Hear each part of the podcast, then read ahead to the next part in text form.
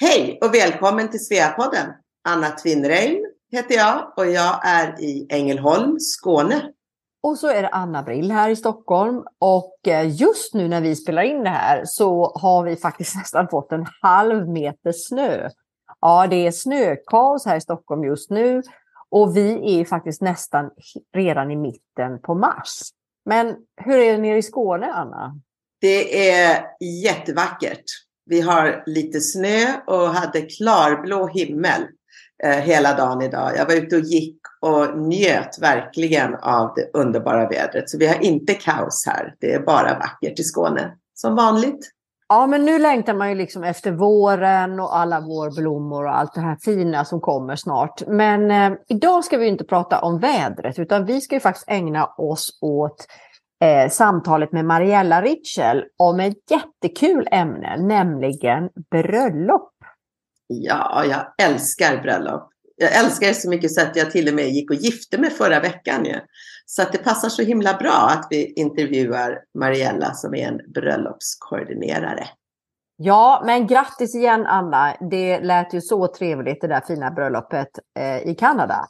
Men det får vi höra mer om i avsnittet. Men jag älskar också bröllop. Visst är det kul med fest och kanske få klä upp sig lite. Jag är faktiskt bjuden på två bröllop i slutet på sommaren. Och det verkar ju som att det är ganska högt tryck på att gifta sig just i år, alltså 2023. Det kanske beror på att eh, under pandemin var det många som fick eh, ställa in och vänta helt enkelt. Ja, och det där ska vi faktiskt höra Mariella berätta lite mer om strax.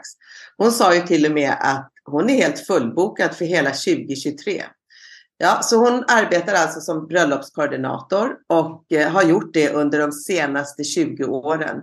Och hon har faktiskt arrangerat över 500 bröllop. Ja, och, eh, men vi pratar ju faktiskt även om hennes första karriär där hon var professionell balettdansös och arbetade på Operan i Stockholm. Det var innan då hon drog till New York eh, under några år där, och det var där hon sen började ägna sig åt att arrangera fester och på den vägen var det. Men innan vi lyssnar på det så har vi lite korta Svea-nyheter. Och först så vill vi gratulera vår grundare Agneta Nilsson som fyllde år den 5 mars. Så vi skickar ett försenat grattis till dig Agneta från oss här på Svea-podden. Hoppas du hade en jättebra födelsedag. Ja, och sen vill vi också påminna om att alla sveor, nu ska ni anmäla er till Sverigemiddagen som äger rum i Göteborg 9 till 11 augusti. Och det är ju också staden Göteborg som firar 400 år i år. Så det kommer säkert att bli extremt festligt där. Och vi har ju även en Sverigeresa inplanerad som i år går till vackra Österlen och Vattenriket. Den går av stapeln 4 till 7 juli och det finns några platser kvar fortfarande som man kan anmäla sig till. Och så sist men inte minst så äger eh, Svea Internationals årsmöte rum och det är snart, redan den 25 mars nere i Sydney i Australien. Men alla Sveor är som vanligt varmt välkomna att delta online och information om alla de här trevliga Svea-aktiviteterna eh, och hur du anmäler dig hittar du som vanligt på vår hemsida svea.org. Men nu ska vi in i bröllopsvärlden och lära oss mer om hur man arrangerar det perfekta bröllopet. Varmt välkommen Mariella!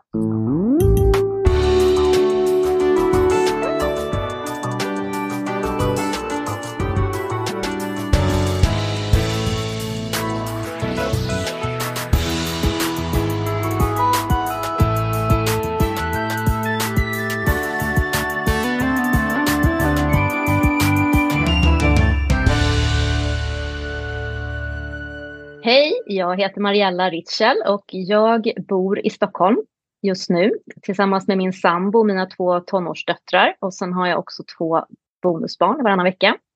Jag har en lång professionell karriär som balettdansös, både här i Stockholm men även i New York där jag bodde under tidigt 2000-tal. Och det var också där som jag blev intresserad av event och eh, när jag flyttade tillbaka till Stockholm så var det då jag startade mitt företag som eh, bröllopskoordinator och det är det jag jobbar med just nu. Varmt välkommen Mariella till Sveapodden. Jättekul att du kunde vara med oss idag. Och eh, vi har ju då lite tema och det handlar ju då som alla förstår om bröllop. Så himla spännande. Och du har ju verkligen en lång erfarenhet av det här eh, med att planera bröllop, inte minst mellan personer från olika kulturer. Och det passar ju jättebra när det kanske är många som också vill slå till och gifta sig så här efter pandemiåren. Och med mig här idag så har jag ju Anna Tvinnereim som precis faktiskt gjorde det. Hon har ju precis gift sig. Anna, berätta nu hur det gick till. Vad var ni och hur var det? det var jättebra. Hej Mariella! Hej, hej! Vi eh, slog verkligen till och gifte oss. Vi var i Whistler i Kanada och eh, vi berättade för våra barn att vi skulle gifta oss två dagar innan vigseln. Så man kan säga att våra tema var överraskning. Typ. Härligt. Ja. ja, men vad härligt. Men, och då var det bara närmsta familjen som var där eller var det? Ja, precis. Och eh, det roliga, eller det intressanta där är ju vad man behöver fixa med innan man åker iväg. Liksom, innan man, eh, vad man måste förbereda för någonting när man ska gifta sig utomlands. Ja, det vill vi verkligen veta nu. Hur gör man? Ja, jo, för att det, det kan ju vara någon som står, går i tankarna och tänker på det här. Så att innan vi åkte iväg, då gick vi till Skatteverket och där fick man ett utdrag från folkbokföringsregistret som styrkte då att vi inte var gifta med någon annan och att vi kunde gifta oss med varandra. Vi var fria att gifta oss liksom. En hindersprövning. Ja, det kan väl heta det. Jag var inte säker på om det hette det eller inte faktiskt, men en hindersprövning då. Och sen så, marriage license hette det och det var på det här, eftersom vi skulle gifta oss i ett engelsktalande land så kunde man få det på engelska också. Och sen så hade vi tagit kontakt med en vigselförrättare i Whistler och bestämt träff med henne. Efter det att vi hade varit på The Municipal Hall i Whistler, eller deras stadshus, och ansökt om ett eh, marriage license där också, från provinsen då, British Columbia, där Whistler ligger. Så när vi hade träffat den här vigselförrättaren så då berättade vi för våra barn att vi skulle gifta oss om två dagar. Så mina tre döttrar var där och Lasses, min man då, som sagt, hans ena son, ja, hans ena son var med oss från Sverige. Mina tre barn bor där redan. Så att, eh, ja. Och, eh, men lite roligt var att när vi var där på det här Municipal eh, Hall så berättade vi vår lilla historia för tanten där. Eller hon var ingen tant, hon var säkert 25 år yngre än vad jag är. Eh, men hon som utfärdade det här eh, marriage license så berättade vi att vi var tillsammans för 40 år sedan men att vi hade tagit en 35-årig paus. Och att vi nu skulle gifta oss. Liksom så. så hon blev helt tårögd. Det förstår jag. hon liksom bara, oh my god, I'm, I'm tearing up here. Hon tyckte det var jätteroligt. Eh, och, och, en annan sak som jag tyckte var så himla rolig, det var den här vigselförrättarens e-mail. Om man vill gifta sig i Whistler så är hennes e-mail gettingmarriedinwhistler at gmail.com. Eh, ja, så det är ganska då praktiskt. Och hur, hur gick det då? Blev du nöjd? Det var ute i skid, skidbacken alltså? Ja, typ skidbacken, eh, lite kallt, minus 25 men strålande sol. Liksom. Och vad tyckte dina barn, dina flickor? Jo, men de, de tyckte att det var jättekul. De fixade, de blev mina sådana här eh, wedding planners. Ja, men vad härligt. De fixade fotograf och blommor ja. och champagne. Liksom det, det, är det essentiella så att säga. Det. Så eh, mm. Grattis! Det var häftigt, så, så kul. Och grattis igen måste vi säga då. Ja, men tack så mycket. Tack så mycket. Men alltså det finns ju verkligen många sätt att gifta sig på och eh, vi undrar då Mariella, har du några roliga historier om, om speciella bröllop som du har arrangerat på, kanske på ovanliga platser eller med olika, olika teman? Ja, har jag historier? Nej, men det har jag. Jag har ju hållit på i 20 år och säkert eh, varit med och planerat närmare 500 bröllop för det här laget. Så att, eh, 500? Wow! Ja, jag tror att det är 500, börjar bli 500 nu. Ja. Så det, det är, ju, eh, är ju några stycken och det, det har ju liksom varit allt ifrån eh, men Hongkongparet som kom till Gotland och bara skulle gifta sig de två till fyra, fem dagars 480 gäster svensk-indiskt bröllop. Så, så att, men av våra kunder så bor kanske 80 procent eh, utomlands. Det är svensk-internationella par. Eh, den ena är svensk eller har någon anknytning till Sverige på något sätt. Det kan vara att mamma eller pappa är svensk eller att man har bott i Sverige tidigare eller det kan vara farmor eller ännu längre tillbaka. Men det finns någon typ av koppling. Liksom. Eh, och då är det ju ofta då ett destination wedding fast det är här i Sverige. Ja, jag vet inte hur jag ska säga, men alla bröllop är ju unika på sitt sätt fast att de liksom någonstans följer samma, ja, man har ju vissa delar som, som är lika. Eh, och sen så kan det ju vara då, är det ett indiskt bröllop eller har man ett par från eh, kanske Malaysia eller Asien, liksom så, då kan det ju vara andra traditioner som kommer med in, att det ska vara liksom en röd klänning med eller ja, olika liksom. Det är ju små detaljer ofta i bröllopet som, som gör det till ditt eget och gör det personligt och det är de man ska på något sätt försöka lyfta fram. Men de flesta bröllop som du och ditt företag är med och organiserar, de äger rum i Sverige eller gör du även utomlands? Nej, men vi gör eh, bröllop utomlands också. Vi har gjort några stycken, men de flesta, alltså nu är jag ju baserad i Stockholm just nu, så då blir det ju att nätverket är ju störst i Stockholm, men även ute liksom i hela landet i Sverige.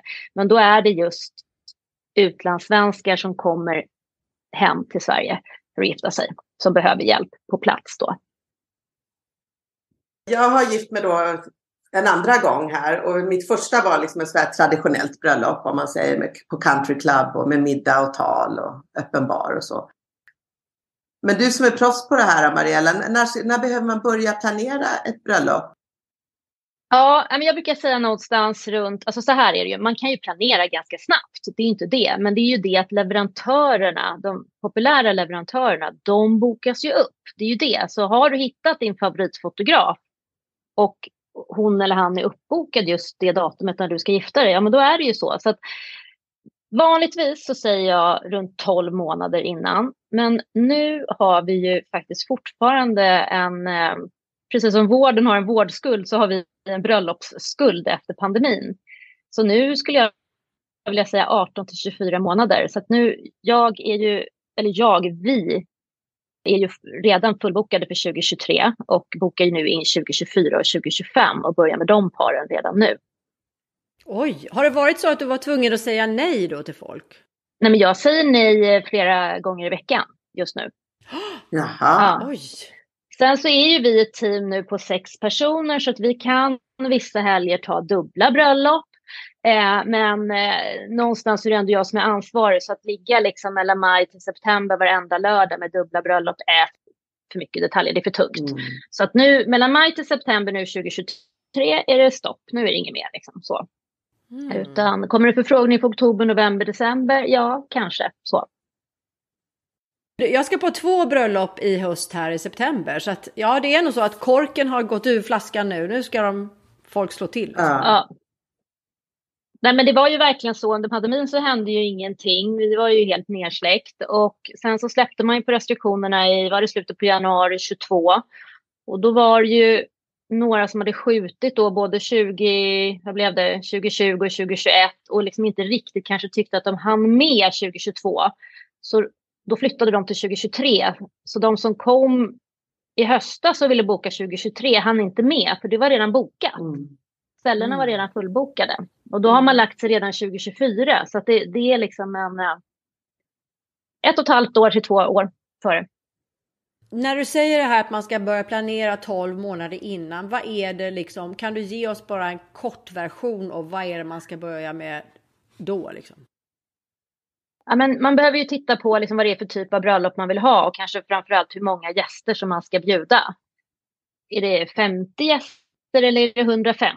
Och då behöver man ju börja titta på vad är det för typ av lokal och vad har jag för budget framför allt. Det är ju jättetråkigt att prata budget det första man gör, men så viktigt.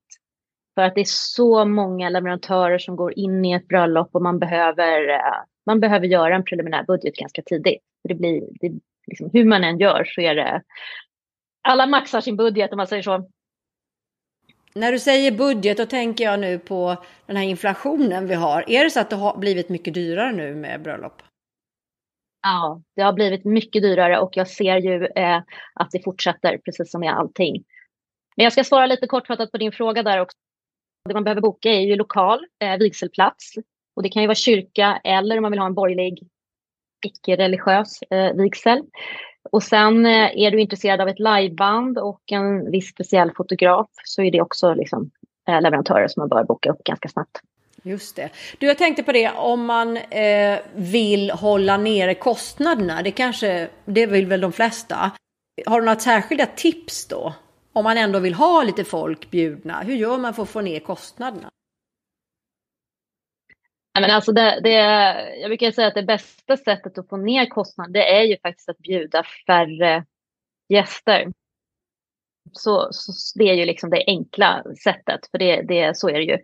Men eh, annars behöver man ju göra, ja, man behöver ju göra saker själv då, annat än att liksom leja ut det. Men, men till exempel då om, om vi tar eh, om man ska säga då liksom budget, medel, lyx då, och vi pratar om inbjudningskorten till exempel, då kan man ju skicka ut en online-inbjudan. Eller så kan man eh, gå till eh, Panduro eller Kreatima och fixa och trycka själv.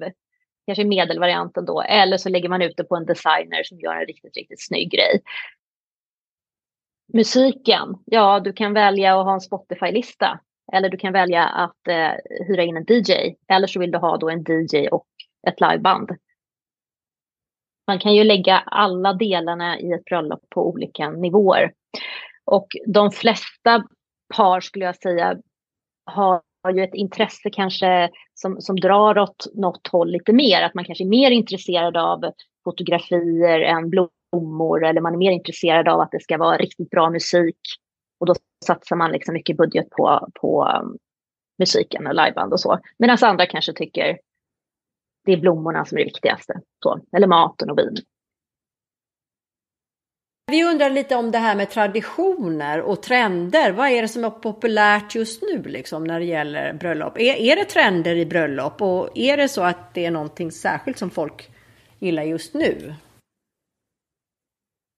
Absolut trender i bröllop. Och jag tycker det är väldigt roligt att se eh, när jag går tillbaka, jag har hållit på i 20 år här nu då och går tillbaka och tittar på bilder från de första bröllopen som vi gjorde då 03, 04, 05 och man tittar liksom, man tyckte ju att de var jätte eh, moderna och liksom i snittet på klänningar och allting. Och eh, blommor och hur fotografen liksom gjorde bilden och så. Så allt, allt ändras ju såklart och följer med sin tid. Eh, men jag skulle säga att det som vi kallar för siluettält eh, är väldigt stort just nu. Vad är det? Ja, det är ju då inte ett vanligt, eh, vad ska jag säga, plasttält. Utan det är mer lite, liksom, hur ska jag säga, lite böjda mer, det är ett tygtak mer, lite böljande så. Eh, lite vackrare tält. Och det är väldigt stort just nu. Sen så ser jag för 2023 här nu, det går ju ofta väldigt mycket trender i olika färger på blommor. Det verkar vara någon trend mot eh, ett multicolor, liksom massa olika färger. Så man inte bara har vitt och grönt utan det är rosa och rött och gult och lila och cerise och vitt och det är liksom allt bara så. Och det här med klänningar och sånt där då, är det, det trender i det Ja, men det är det ju alltid, för det är ju ett mode liksom som, som eh, pågår konstant. Så. Men, eh, men att en första gångsbrud eh, väljer någonting annat än vitt, det skulle jag säga är ganska ovanligt. Utan man väljer nog ofta en, en lång, rätt traditionell klänning. Ja, köper man klänningar i Sverige eller åker man någon annanstans och köper klänning? Ja, en del köper ju klänningar i Sverige såklart. Nu har ju jag mycket eh, kunder som bor utomlands så att då blir det nog mycket ja, både USA och London så eh, mm. skulle jag säga. Sen tycker jag väl också med trender här att man tittar rätt mycket på att eh, ja, men man pratar om naturviner, man pratar om lokalproducerad mat. Mm, precis. Organiskt odlade liksom, blommor. Många väljer att eh, tänka lite hållbart i form av att inte skicka ut pappersinbjudningar utan man, man eh, går online. Eh, har man ett bröllop med 250 gäster som vi har ibland, eh, då kanske man inte trycker upp menyer en till varje person utan man kanske ställer några få vid varje runt bord för att hålla ner det lite på papper. Mm. Så att det, det finns ett sånt tänk, absolut. Ja, det är ju trevligt. Och, och, jag vet att jag ska på det här bröllopet i USA och då har ju de en hemsida. Det tyckte jag var väldigt trevligt. Där man kan då läsa allting och så vidare. Är det någonting man kör med i Sverige också? Det gör man absolut och speciellt när det då är internationella bröllop så jag skulle säga att nästan alla mina bröllop eh, har vi det till. Framförallt för att då kan man hålla informationen ganska kort på den tryckta inbjudan och sen kan man lägga till mer information vart efter man planerar. Eh, är det ett internationellt destination wedding så behöver man ju ofta skicka ut inbjudningar ganska tidigt. Ja, mycket information. Ja, för att det är mycket information och det är flygresor och det är boende och så vidare. Och då kanske man skickar ut redan sex månader innan, men då kanske man inte har all information klar. Så då är det bra med en hemsida. Jag blir nyfiken på det här som eh, hemsida då. Så du, ni var sex stycken i teamet eh, sa du. Är det någon, någon av de där sex då som är ansvarig för hemsidan? Liksom, har man så olika roller då på ditt företag om man säger? Nej, det har vi inte, utan det, är, det finns ju ganska många bra online-mallar eh, som man kan använda sig av. Så att det, det, är inte något som vi de facto liksom gör så, utan det är mer att vi rekommenderar till dem. Och för alla som lyssnar här ska vi väl säga att vi kommer att be dig om alla de här bra tipsen. Så vi kommer ju lägga en mm. länkar till så att vi, vi kan tipsa alla som är intresserade. Ja, och då är det lite spännande att höra hur du kom in på den här banan överhuvudtaget. Liksom. Jag, jag har eh, läst lite grann om dig och lyssnat lite på podd som du hade och var med i och sådär. Du startade ju med, eller startade, men du dansade ballett som sagt som du nämnde tror jag mm. kanske i början mm. där. Och eh, sen bodde du i New York och så du kan väl berätta lite om det? Mm. Nej men absolut. Nej, men jag, jag startade min professionella karriär som, som balettdansös på Kungliga Operan i Stockholm. Och sen hade jag väl varit där i ja, tio år kanske, något sånt där. Och då träffade jag en svensk kille som bodde i New York. Och eh, jag bestämde mig ganska snabbt för att flytta till honom. Eh, och jag hade ju rest ganska mycket innan som, som dansare. Man har varit ute mycket på turné och så. Så det kändes inte jättesvårt eller liksom stort att flytta till New York. Utan det var, det var spännande. Så jag tog tjänstledigt från Operan och flyttade dit. Och eh, fick faktiskt jobb efter fyra dagar. Så det var väldigt spännande. Men då uppstod ju den här svårigheten då med visumet. så då behövde ju då, då var det ett modernt kompani som heter Battery Dance Company. De hade sina lokaler på Broadway. Som eh, sponsrade det här då O1-visumet. Men det var ju en ganska, eh, ja, det var ju en lång process och, och man hade, var tvungen att liksom anlita advokater och man skulle då visa att man hade extra, extraordinary abilities in the field of dance and artistic men du, jag måste säga att det var ju fantastiskt bra gjort av dig att lyckas hitta ett jobb sådär i New York som dansare. Ja, och någon som ville sponsra. Bra jobbat! Ja, och någon som vill sponsra. Det, jag menar, det är inte så himla lätt. Hur, hur fick du tag på dem? Gick du, ringde du runt Nej. då? Eller? Dansade du in där? Ja, jag dansade in där. Nej, men jag, eh, jag hörde väl av mig till lite olika danskompanier som jag tyckte verkade intressanta då. Och, alltså, det är ju en helt annan dansscen i New York än det är här i Stockholm. Jag var ju fast anställd, man har sin månadslön, man har sin logeplats. Eh, man behöver aldrig göra audition för att man, man är ju liksom medverkar i, i Kungliga Balletten och i alla liksom, deras produktioner och så. Så det var ju ja, helt nytt när jag kom dit jag var väl eh, 27 så jag var ju förhållandevis liksom gammal, säger jag med citationstecken, i dansvärlden. Eh, och då var ju, eh, då var det ju frilansscenen som var det som var liksom, eh, min plats. Men jag hade ju trots det ett bra namn från Kungliga Balletten i min CV då i alla fall så, så jobbade jag med Battery Dance Company, men sen gick ju inte, han hade ju inte, den koreografen där hade inte alltid produktioner som gick liksom hela tiden, så det kunde vara pauser. Och då fick man göra andra auditions. Eh, och rätt vad det är kunde det vara liksom en, en period på en till två månader när ingenting hände. Och då tyckte jag inte att det var jätteroligt att bara gå och hänga i New York. Eh, jag, jag var där för att ja, men, jobba och uppleva saker. Och då fick jag möjligheten att börja jobba med ett svenskt-amerikanskt konsultbolag som arrangerade ja, men ganska exklusiva business-event för Olle Westberg som då var konsul i, i New York, generalkonsul. De gjorde även för danska och kanadensiska konsulatet så hade de liksom. Så det, det, ja, det var spännande att få jobba med dem. Och det var då du blev sugen på att fixa party? Liksom. Ja, men det var, det var, inte riktigt så, utan sen, sen efter tre år då så eh, flyttade jag och min dåvarande kille hem till Sverige och eh, han hade friat så vi skulle gifta oss och då uppstod ju den här situationen då som eh, jag fick vara med om då att man ska planera sitt bröllop från New York men bröllopet ska ske i Stockholm och det var ju inte det enklaste. Och då var det faktiskt min pappa då som, som eh, fungerade som någon slags wedding planner på, på, på något hörn. Liksom. Men han gjorde det bra. Eh, men sen kom vi hem då och eh, jag var tillbaka på operan och sen hade jag en fotskada och så tänkte jag så här, ja sjuttsingen alltså det här, kommer det här hålla till 40? Vi går i pension då runt 40. Vad ska jag göra när jag går i pension från dansen? Och då vaknade jag en morgon och hade liksom legat där och tankarna hade snurrat. Vad kan jag? Vad vill jag göra? Vad är roligt? Och då var det liksom, jag kan allting med föreställningar. Jag kan lite grann om event. Jag hade precis gift mig. Ja, och ut någonstans där så kom det en eh, bröllopskoordinator helt wow. enkelt. Ja, vilken bra dröm. Ja.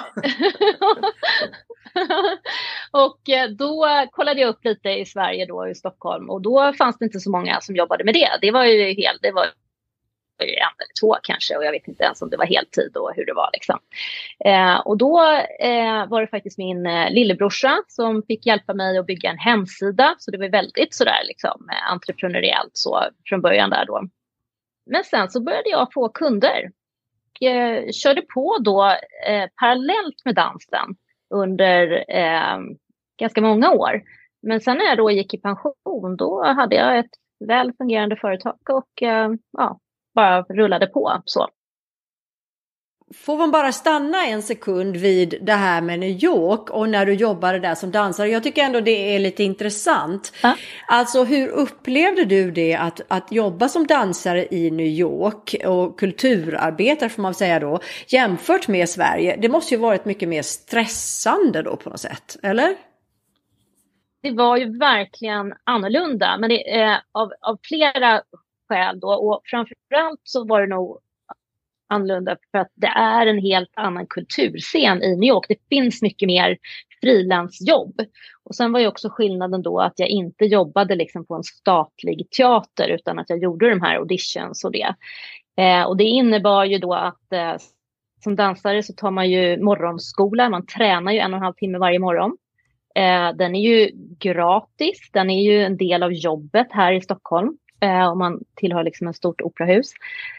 Där var det ju inte så. Det var ju upp till dig själv att ta hand om din egen träning. Du fick betala för den. Man fick betala för sina tåskor.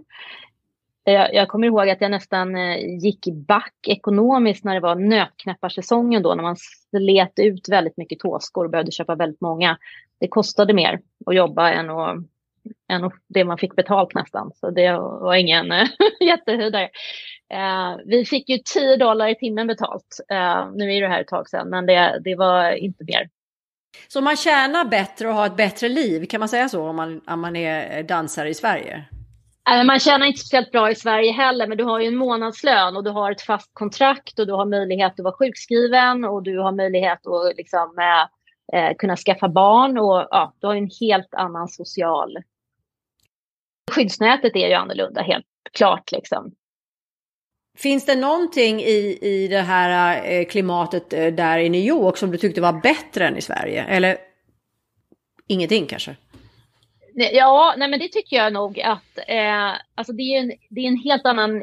Jag tycker att det är en ganska härlig energi och jag, jag trivdes med att göra audition. Jag tyckte det var roligt. Det var ju liksom lite, man var ju nästan som en egenföretagare redan då där man då kunde, nu ska inte jag säga att jag kunde välja och vraka med jobb, men gick jag på en audition och kände att nej, men det här var inget för mig, det här var liksom ja, med fel inriktning på något sätt eller det här kändes inte som det var tillräckligt roligt. Då tackade man ju nej till det jobbet om man då skulle få det. Sen är det klart att det var jobb som man inte fick heller som man ville ha. Men det var, det var en väldigt, ro, väldigt rolig tid. Det känns ju som att man var tvungen, du var tvungen att vara mera på tå då. Ja, men, men, ja. liksom, i dina tåskor. Nej, men man var ju tvungen att ligga på hela tiden, absolut. På ett annat sätt än om man liksom är fast anställd och så. så.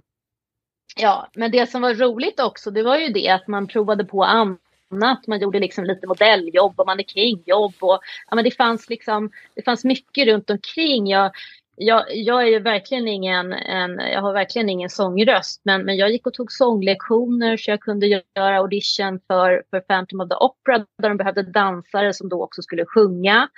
Eh, och man liksom provade på, man liksom tände sina gränser lite så. Eh, men, men sen är det klart, sen blev man ju förvånad en av de första auditionerna som jag gick på. Jag fick verkligen en armbåge i sidan. Alltså literally av, vadå, av någon annan som också var där? Ja, som skulle liksom fram då, liksom längre fram.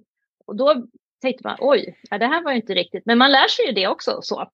Lite tuffare tag helt enkelt. Ja, absolut är det ju så. Eh, nej men jag jag eh, hade tre fantastiska år där. Jag tyckte det var jätte, jättehärligt. Jag lärde mig otroligt mycket.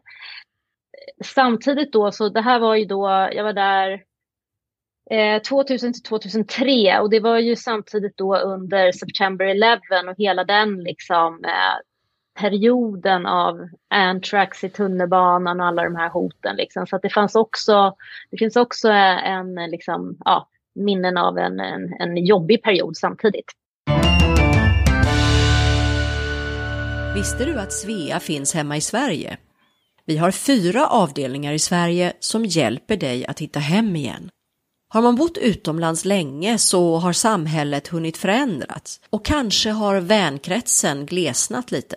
Det är inte alltid så lätt att flytta tillbaka hem. Det kan bli en omvänd kulturkrock som man kanske inte riktigt räknat med. Man kan också behöva lite råd i en del praktiska frågor och rutiner som ser annorlunda ut nu efter många år utomlands. Och då finns Svea Göteborg, Svea Stockholm, Svea Örestad i nordvästra Skåne och Svea Malmö att vända sig till. Liksom alla andra Svea-avdelningar i världen så står de för gemenskap, stöd och roliga aktiviteter av alla slag.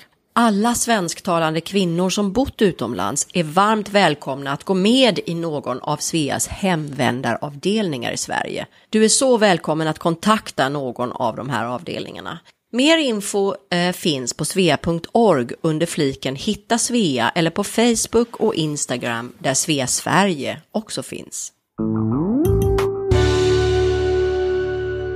Så eh, Mariella, vi har ju haft pandemi då som ing- det har inte undgått någon eh, under två år kan man väl säga. Eh, det måste ju ha drabbat din business något helt enormt. Hur, eh, hur tar man sig tillbaka efter det? Eller vad, hände, vad gjorde du under de åren? Ja, det var inte så roligt. Eh, nej, men det släcktes ju ner ganska snabbt där. Vi fick ju bara vara 50 personer och sen var vi väl åtta personer bara som vi fick eh, i sammankomster då, ett, en eh, lite längre period. Och eh, det var ju otroligt frustrerande för jättemånga brudpar och såklart, även för oss liksom, som inte riktigt visste vart man, ja, vart man skulle. Så det var väl vissa bröllop som planerades om både två och tre gånger, sköts fram flera gånger. Det fanns en förhoppning hela tiden liksom, om att man skulle släppa på restriktionerna. Så att det bokades ju på nya bröllop och nya jobb och man hoppades att det... Men det var inte mycket jobb, nej. Det var, nej, det var ju hemskt. Men du, det är ju väldigt spännande också att du är egenföretagare och alltihopa det här. Hur gör man då när det helt plötsligt businessen börjar falna? Liksom? Var du tvungen att avskeda folk eller har du människor mer på frilansbasis? Eller hur, hur går det till? Eh, nej, men de tjejerna som jobbar för mig är ju eh, eh mest inne och jobbar då under högsäsongen när det är bröllop så att säga. Så att de, det, det var inte problem så. Men, men det är klart att liksom hela företagets ekonomi urholkades på ett sätt efter liksom, det, det var ju klart liksom. Och sen som så många andra så var det lite trassel med Tillväxtverket och ja, lite så. Så det var inte helt, eh, nej, det var inte helt skönt. Det kan jag säga att det var. Eh, men, men sen när, när, restriktionerna släppte, då var det ju som, det var ju bara att dra ur, liksom, det var ju som att dra ur proppen. Då var det ju, då var man ju tillbaka liksom, mer än någonsin. Så, så det är ju jätteskönt.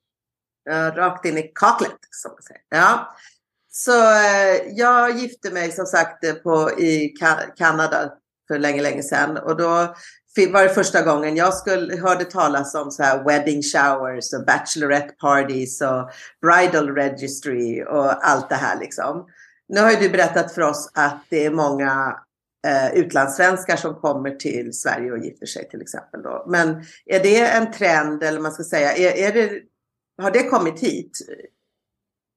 Eh, nej men eh, möhippor och svensexior finns ju absolut. Eh, sen, vet jag inte, sen vet jag inte så mycket om det här med bridal showers har kommit så mycket. Däremot så ser jag ju väldigt mycket baby showers. Eh, vi, vi gör ju en del liksom, event också som är efter bröllopet så att säga med, med återkommande kunder. Och då kan det vara just dop eller baby showers eller något ettårskalas eller sådana grejer. Liksom så så att sånt, sånt kan jag ju se. Men eh, wedding registries, absolut. Ska vi, ska vi berätta lite för alla här som inte hänger med kanske. Vad är en, en, en bridal shower? Vad är det? För det första. Ja, alltså det är ju, det kan, det är ju lite liknande som en möhippa, men det handlar väl om att man liksom, vad säger man, duschar bruden med presenter. Firar helt enkelt bruden innan bröllopet med presenter. Och då är det bara, tje, då är det bara tjejer eller? Ja, Möhippa som eh, tradition är väl lite mer eh, att man ska skämma ut bruden. Liksom, så. För, men för mig då är wedding shower är lite mer att man sätter upp bruden på en pedestal och att hon, ja, man behandlar henne väl. Ja, men jag vet inte riktigt hur mycket som det liksom, eh, hur ska jag säga, kläs ut idag på det sättet och skäms ut. Utan traditionen i Sverige är väl kanske då någon slags blandning mellan möhippa och wedding shower. Eller bridal shower. Ja. Jag tänkte så här, det kunde ju vara lite roligt med lite statistik här för, om, om bröllop. Eh, så det verkar som att ungefär eh, hälften av svenska befolkningen över 20 år lever faktiskt i ett äktenskap, eller 45 procent ungefär. Och eh, kvinnor är oftast lite yngre än män när de gifter sig. Och eh, medelåldern har gått upp när man, eh, för den eh, tiden i livet när man gifter sig. Så eh, nu är det faktiskt eh, 33 och 35 år för kvinnor och män.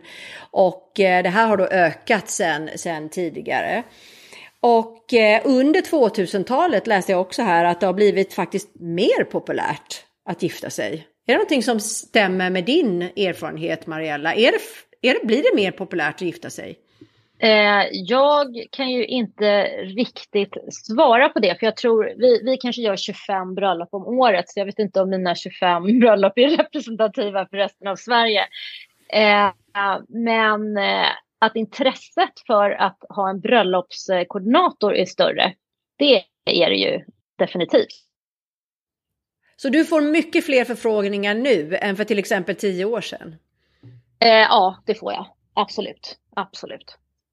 Sen kan ju det kanske bero på olika saker, men, men jag skulle säga att eh, jag får många, många fler förfrågningar från, från olika typer av budgetnivåer. Det är intressant. Ja det, det, är inte bara, det är inte bara de som ska ha riktigt stora luxuösa bröllop som, som hör av sig för att ha en bröllopskoordinator utan det kan även vara liksom, ja, ett vanligt bröllop. En fråga som kan vara intressant är väl också hur är det, gifter de flesta sig i kyrkan eller är det på nedgående eller på uppgående eller är det ungefär hälften eller hur ser det ut för dig? Jag, jag skulle säga att det är ungefär hälften, hälften hälften. Och övriga då, vad, vad håller de till? Nej, men då är man kanske gärna utomhus och man har en borgerlig vigselförrättare. Eh, eller så har man, eh, ja, är man i någon lokal liksom, på något sätt eh, i samband med, med själva middagslokalen och festen. Så. Och hur ser trenderna ut med vad gäller brudnäbbar och tärnor och marskalkar? Och... Ja, de är med. De är med. de är med. Vad, vad är normalstorlek eller höll jag säga, vad, så här wedding party? Ja, men det vet jag inte om det finns något. Nej, men det, det är ganska varierande. Det finns sådana som inte har några alls och eh, ibland så har vi sju, åtta stycken. Vi har haft 15, 16 stycken också. Eh, jag kan säga att det är lagom roligt att eh, städa upp efter 16 brudtärnor när de har gjort sig i ordning. Då är det kaos. har man alltid lika många brudtärnor som man har marskalkar eller? Nej. Det behöver man inte ha. Finns inga regler kanske? Liksom så. Jag, vet du, jag skulle säga så här att alla de här liksom rätt eh, man säger, traditionella reglerna, eller man ska säga, de eh, existerar inte så mycket längre, utan man gör lite som man vill, som man känner. Och det tycker jag man ska göra också. En sak som vi pratade om innan här var att jag tycker nu mer ser man inte så mycket bilder på brudnäbbar, alltså såna här, här, de här små barnen som går före. Har det blivit mindre populärt? Nej, men det vet inte jag. Jag tycker nog att vi har det ganska ofta, eh, Eh, var och varannat bröllop, eller var tredje i alla fall, skulle jag säga. Eh, men, men, ja, nej, men det är jättegulligt, men, men eh, det är ju med varierande resultat i kyrkan beroende på ålder och mognad och så vidare. Men sen är de ju kanske ofta då bara med under, ja nu sa jag kyrkan, men liksom under vigseln och minglet och sen kanske de inte är med, sitter inte med under en lång middag. Det kanske man inte orkar med liksom.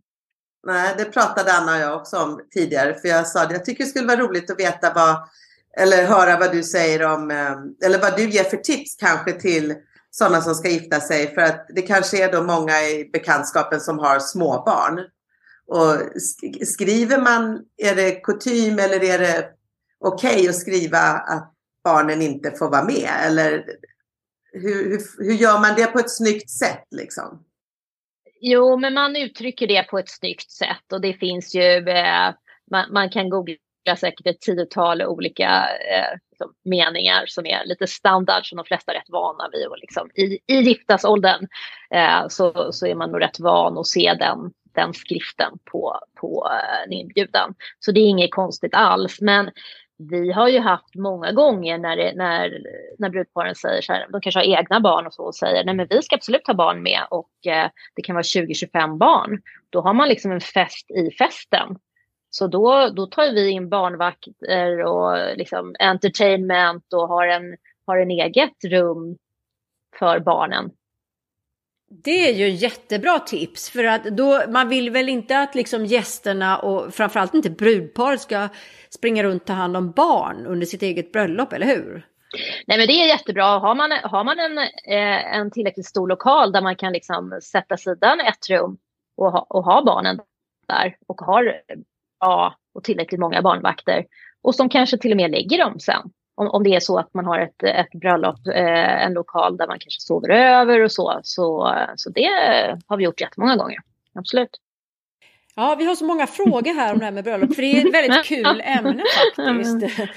Och eh, jag tänkte fråga, jag gifte mig själv här i Svenska kyrkan, eh, ja det var ju inte igår precis, men för ett tag sedan.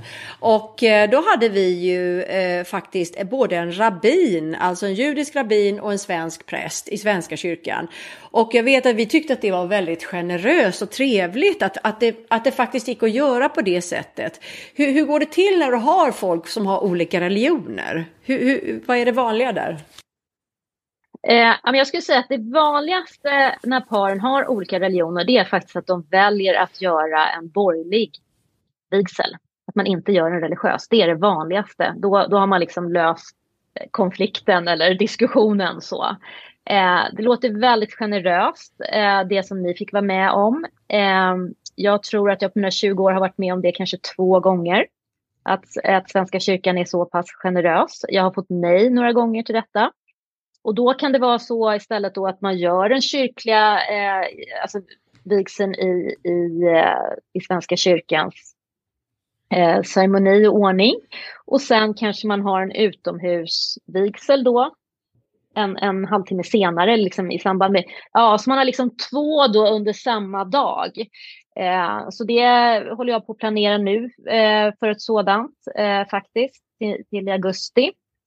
Eh, där vi ska ha då eh, ja, en iransk tradition och eh, så eh, efter den borgerliga vigseln. Sen eh, indiskt bröllop har jag haft också. Då, hade vi, då var det tror jag, tre olika ceremonier eh, över loppet av två dagar. Är det inte just indiska bröllop tycker jag man har hört talas om att de är så enormt stora och man lägger så enormt mycket pengar på indiska bröllop? Är det så? Ja, det är ju, har gjort ett riktigt stort eh, indiskt bröllop för några år sedan. De var väl 480 gäster tror jag. Var är man då någonstans? då var vi på Münchenbryggeriet i Stockholm, eh, på Söder Mälarstrand. Eh, men, ja, men då var det fyra dagar, det, det löpte över fyra dagar. Och då var det liksom hennafest och det var, det var borgerlig ceremoni och det var indisk ceremoni och det var tredje, in, ja det var tre olika ceremonier var det. Något som jag tycker är ganska trevligt är när det faktiskt är någonting kvällen före. I, I, USA brukar man ju kalla det för rehearsal dinner. Och sen kanske en del även har någon lunch eller någon frukost eh, dagen efter bröllopet. Är, är det någonting som blir mer vanligt? För då blir det ju inte bara det där att man träffas under en väldigt kort tid utan man faktiskt hinner träffa människor lite innan och efter. Ja, jag skulle säga, nu har ju vi så många utländska par och då kommer ju de hit till Stockholm och liksom flyger in sina gäster och familjer och så vidare. Och då är det, skulle jag säga att det är mer standard än en ovanlighet att man har tre dagar eller till och med fyra dagar. Det kan vara så att man samlar närmsta familjen på torsdagen och kanske bridal party. Och sen har man då som en eh, lite större, kan jag kalla det för rehearsal dinner eller rehearsal mingle eller någonting. Eh, jättemånga gånger så, så hyr vi en båt och åker ut i skärgården för att liksom ja, få den upplevelsen. Och sen är det bröllopet på lördagen och sen kanske då är en brunch eller lunch på, på söndagen. För de som har möjlighet att stanna kvar. Du har ju varit, eh, eh hållit på med det här i drygt 20 år som sagt. Eh, du, var du en av de första liksom, i Sverige?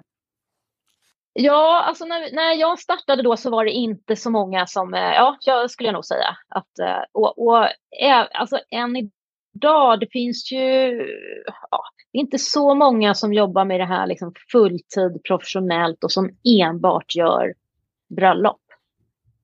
Men du, eh, vi vill veta lite mer om det där med trender. När, finns det trender när det gäller platser och vad man vill gifta sig och maten och, och kanske, ja, klädsel pratade vi lite om innan. Men, men du, du nämnde lite om det innan, men har du några tips? Nej men alltså det, det är som sagt, det går ju, det, det, det går i vågor det där. Eh, men det som är trendigt, som alltid är trendigt, det är ju att göra det personligt. Och vad som är personligt för ena paret är ju någonting annat för det andra paret så att säga. Eh, mycket färg som sagt, som jag nämnde innan, verkar det vara. Eh, och just där också att man liksom tänker ganska mycket på eh, hållbarhet. Hur, om, man, om man är någon som lyssnar på det här och, och tänker gifta sig och du säger just att man vill göra det lite personligt. Vad, vad tänker du på då? Vad kan man göra för att göra det personligt? Nej, men jag tror att man ska eh, titta, liksom, sätta sig ner och fundera på vad, vad är det för typ av bröllop som vi vill, vill ha? Vilka är vi? Eh, är vi ett par som inte tycker om att dansa? det var ju en tråkig sak att säga kanske. Då kanske man inte ska ha ett bröllop som, som liksom, där fokus är på, på fest och dans. Utan då kanske man ska ha ett annat typ av mer mingelbröllop och då kanske man ska välja en lokal utefter det. Alltså det som man kan göra mycket personligt det är ju att välja, eh, välja musiken till vigseln. Man har ju eh, flera liksom, musikstycken. Man har både in och utgångsmusik. Man kan ju ofta välja en eller två sånger som någon kan sjunga eh, för att få det mer personligt. Och sen är det liksom i alla detaljer, allt ifrån mat och vin och... är väl ett svar på varför man ska ha en bröllopskoordinator är väl kunna få hjälp med de här sakerna. För att det är ju så när man aldrig, om man aldrig har gift sig förut så kanske man inte heller vet riktigt vad man vill ha, eller hur? Men då, det är jättebra då för dig att kunna komma med, eller för dem, att du kan komma med förslag. Liksom. Ja, nej men, och så är det ju. Och det är ju lite olika när man, när man eh, kommer till, till oss. En del har ju redan bokat datum och lokal och säger vi vill ha det så här och så här och så här. Vi vet precis hur vi vill ha det, men vi har inte tid att eh, lösa alla de här bitarna för att det behövs göras på dagtid och då jobbar vi. Och då kommer ju vi in och liksom löser. Eller så kommer man till oss och säger men vi, vi vill gifta oss, men vi vet inget mer. Och vi har så svårt att ta beslut. Och vi har tittat på de här slotten och de här herrgårdarna, men det känns inte riktigt rätt. Det känns inte riktigt som vi. Eh, måste man gifta sig på ett slott? Vi, vi, är inga slottsmänniskor. Nej, men det måste man inte. Man kan gifta sig mitt i stan liksom, eller eh, ja, ha festen mitt i stan, eller man kan ha det på en ö ute i skärgården, eller så att poängen är att man kan anlita till exempel dig då, eller en bröllopsplanerare, för delar. Det behöver inte vara hela, utan man kan få hjälp med vissa delar av bröllopet, helt enkelt. Alla jobbar ju på olika sätt, men vi jobbar inte med några fasta paket, utan hur, hos oss, till mig eller till oss, så kommer man och eh, får hjälp med de delarna man vill ha hjälp med. Och det, det kan vara liksom väldigt lite eller det kan vara väldigt mycket. Eh, så. Så, så eh, det, det finns en eh, à la carte-meny att välja från på allting. Vi, vi pratade om barn förut, men det finns ju folk som har vuxna barn och kanske många av mm. våra lyssnare har vuxna barn som, som kanske ska gifta sig. Vad är dina tips runt det? För förr i tiden var det ju ändå så att liksom brudens föräldrar skulle betala bröllopet. Jag menar, det kanske var ett tag sedan, men hur ligger det till med det? Och är det ofta liksom att föräldrarna lägger sig i eller hjälper till kanske man ska säga? Och ska man göra det? Eller hur ser du på det och vad är, vad är, vad är det som gäller nu för tiden? Nej, men så här säger jag om det. det. Det måste ju vara liksom upp till varje brudpar hur mycket man känner sig bekväm med att föräldrarna ska då hjälpa till eller lägga sig i eller hur man nu vill, vill uttrycka det.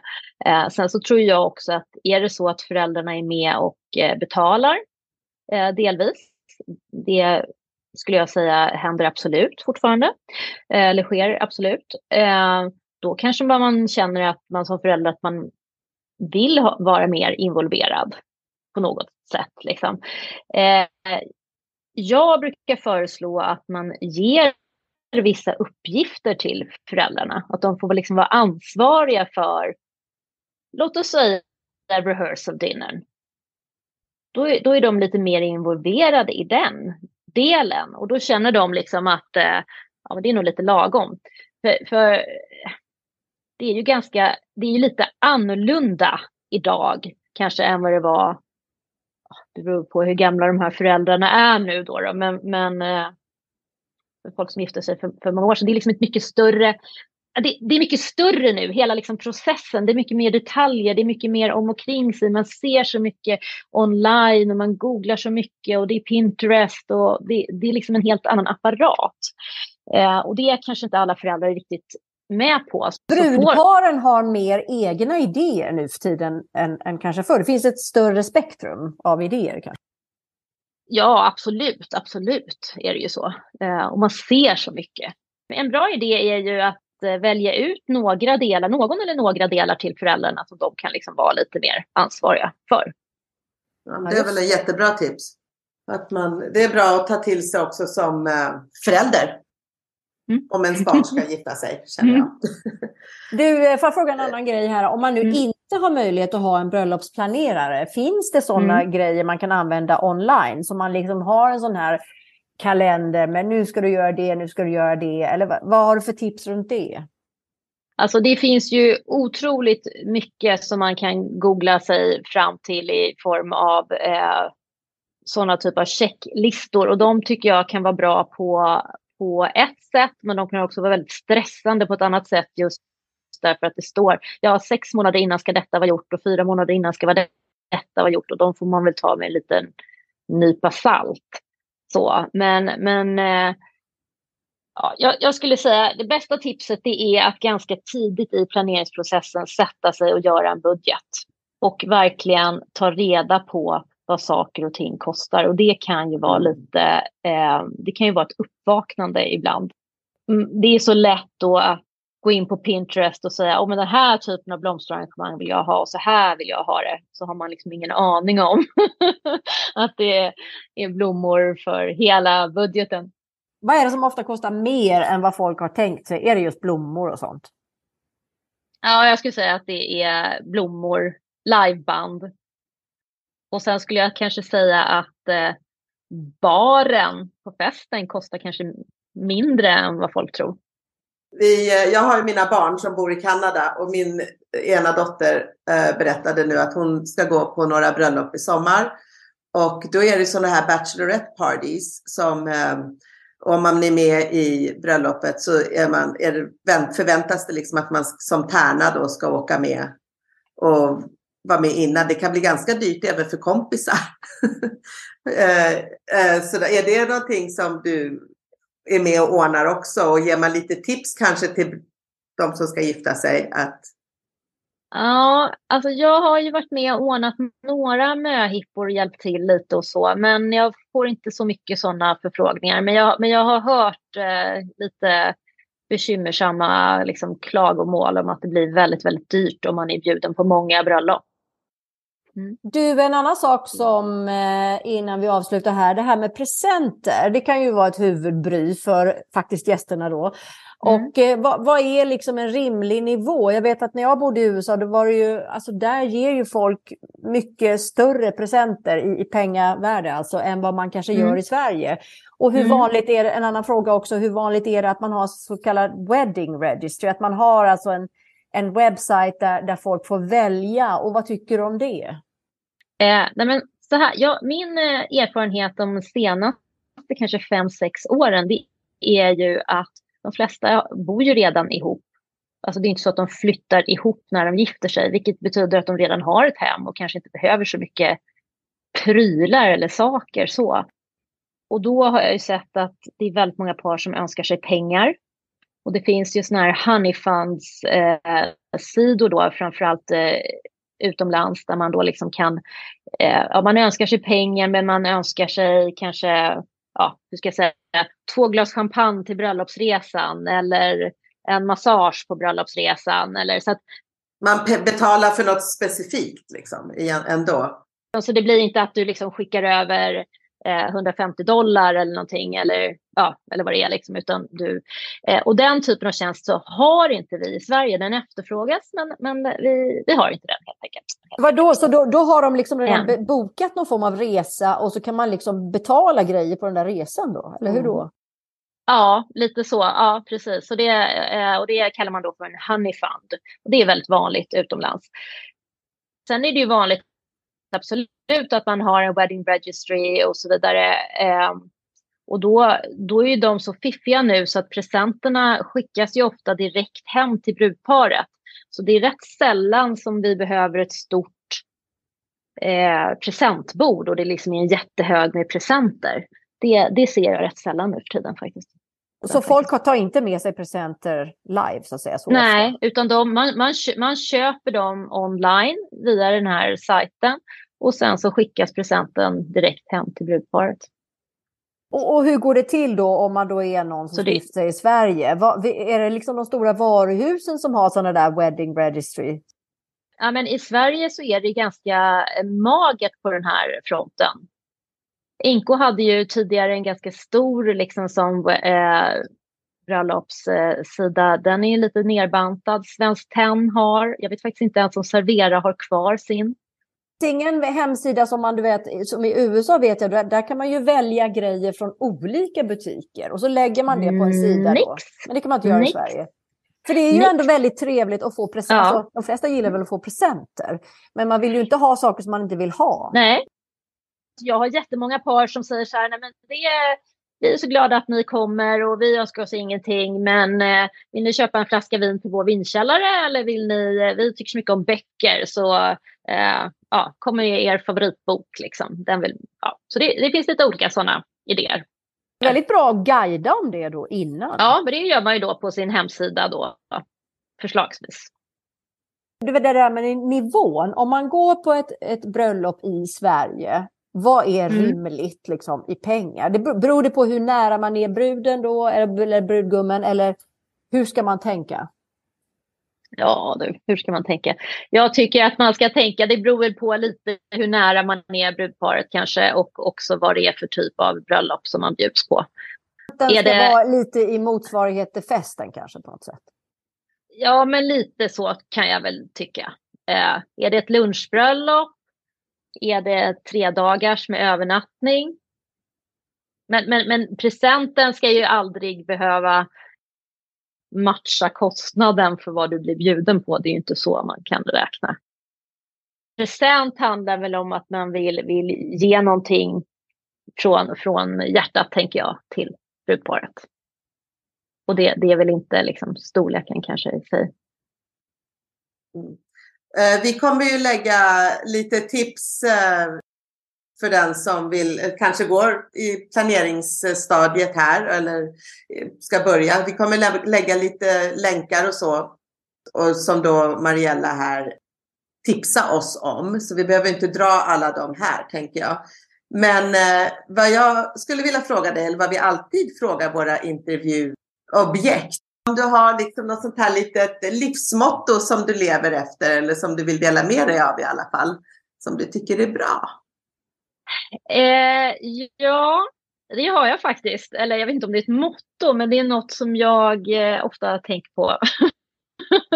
Eh, men det, det, är givet lite att jag liksom har levt i en ballett och dansvärld där allt är så perfektionistiskt eller ska vara så perfektionistiskt. Och sen har jag väl på något sätt flyttat över den eh, delen till, till mitt nya yrkesval. Det, vi pratar mycket detaljer och så vidare. Så jag brukar säga till mig själv faktiskt nästan varje dag. Eh, now that you don't have to be perfect, you can be good. Ja, men det är viktigt att vara ödmjuk. Eh, jag tycker det är, man ska vara intresserad av saker, eller vara. Jag tycker om att vara intresserad, lära mig nytt och eh, vara snäll. Mer snällhet i världen tycker jag är bra. Innan vi avslutar vill jag bara också säga Eh, vi har ju många som sitter i olika länder och lyssnar på den här podden. Är det någonting avslutande du vill säga till dem, just kanske som har med bröllop att göra? Nej men, eh, ska man eh, gifta sig eh, 2023, då är det absolut dags att börja planera. Då är man lite sent ute, men det är, eh, går det också. Och har man tänkt att gifta sig 2024 så är det absolut jättebra att eh, starta med det. Eh, och eh, man är så välkommen att höra av sig om man vill gifta sig i Sverige, så kan jag kanske hjälpa till. Och mitt team om man vill det. Ja, ja, vad bra. Men du, tusen tack. Det här är ju ett så kul ämne. Vi skulle säkert kunna prata till flera timmar, eller hur Anna? Om... Ja, du, jätteroligt Mariella. Jag tycker du låter så himla professionell och uppriktig och det, det känns liksom som att du tycker att även om du har nästan gjort 500 bröllop så känns det som att du eh, jag kan tänka mig att du verkligen intresserar dig för varje bröllop du arrangerar så att säga, eller planerar. Så det är jätteroligt. Jag tycker fortfarande det är väldigt roligt. Eh, det, det tycker jag verkligen. Mm. Mm. En sista grej bara, om det är någon som lyssnar på det här och faktiskt känner så här, nej men jag skulle vilja jobba med Mariella eller jag skulle vilja bli bröllopskoordinator, vad ska de göra då? Nej, men då får de eh, mejla till mig till eh, info at weddingplaner.se och så får vi eh, sätta upp ett samtal och se om det kan vara något som, eh, ja, det är någon som kan hjälpa oss. Vi, vi behöver ofta eh, extra hjälp. Ja, vad roligt. Kul. Men tusen tack för det och vi önskar dig allt gott inför bröllopssäsongen här. Ja, just det. Den sätter igång nu här. Den sätter igång nu. Ha det jättebra, Mariella. Tack så jättemycket. Tack för att du har lyssnat. Den här podden är inspelad och producerad för Svea International. Musiken är skriven för Svea av Fredrik Åkerblom.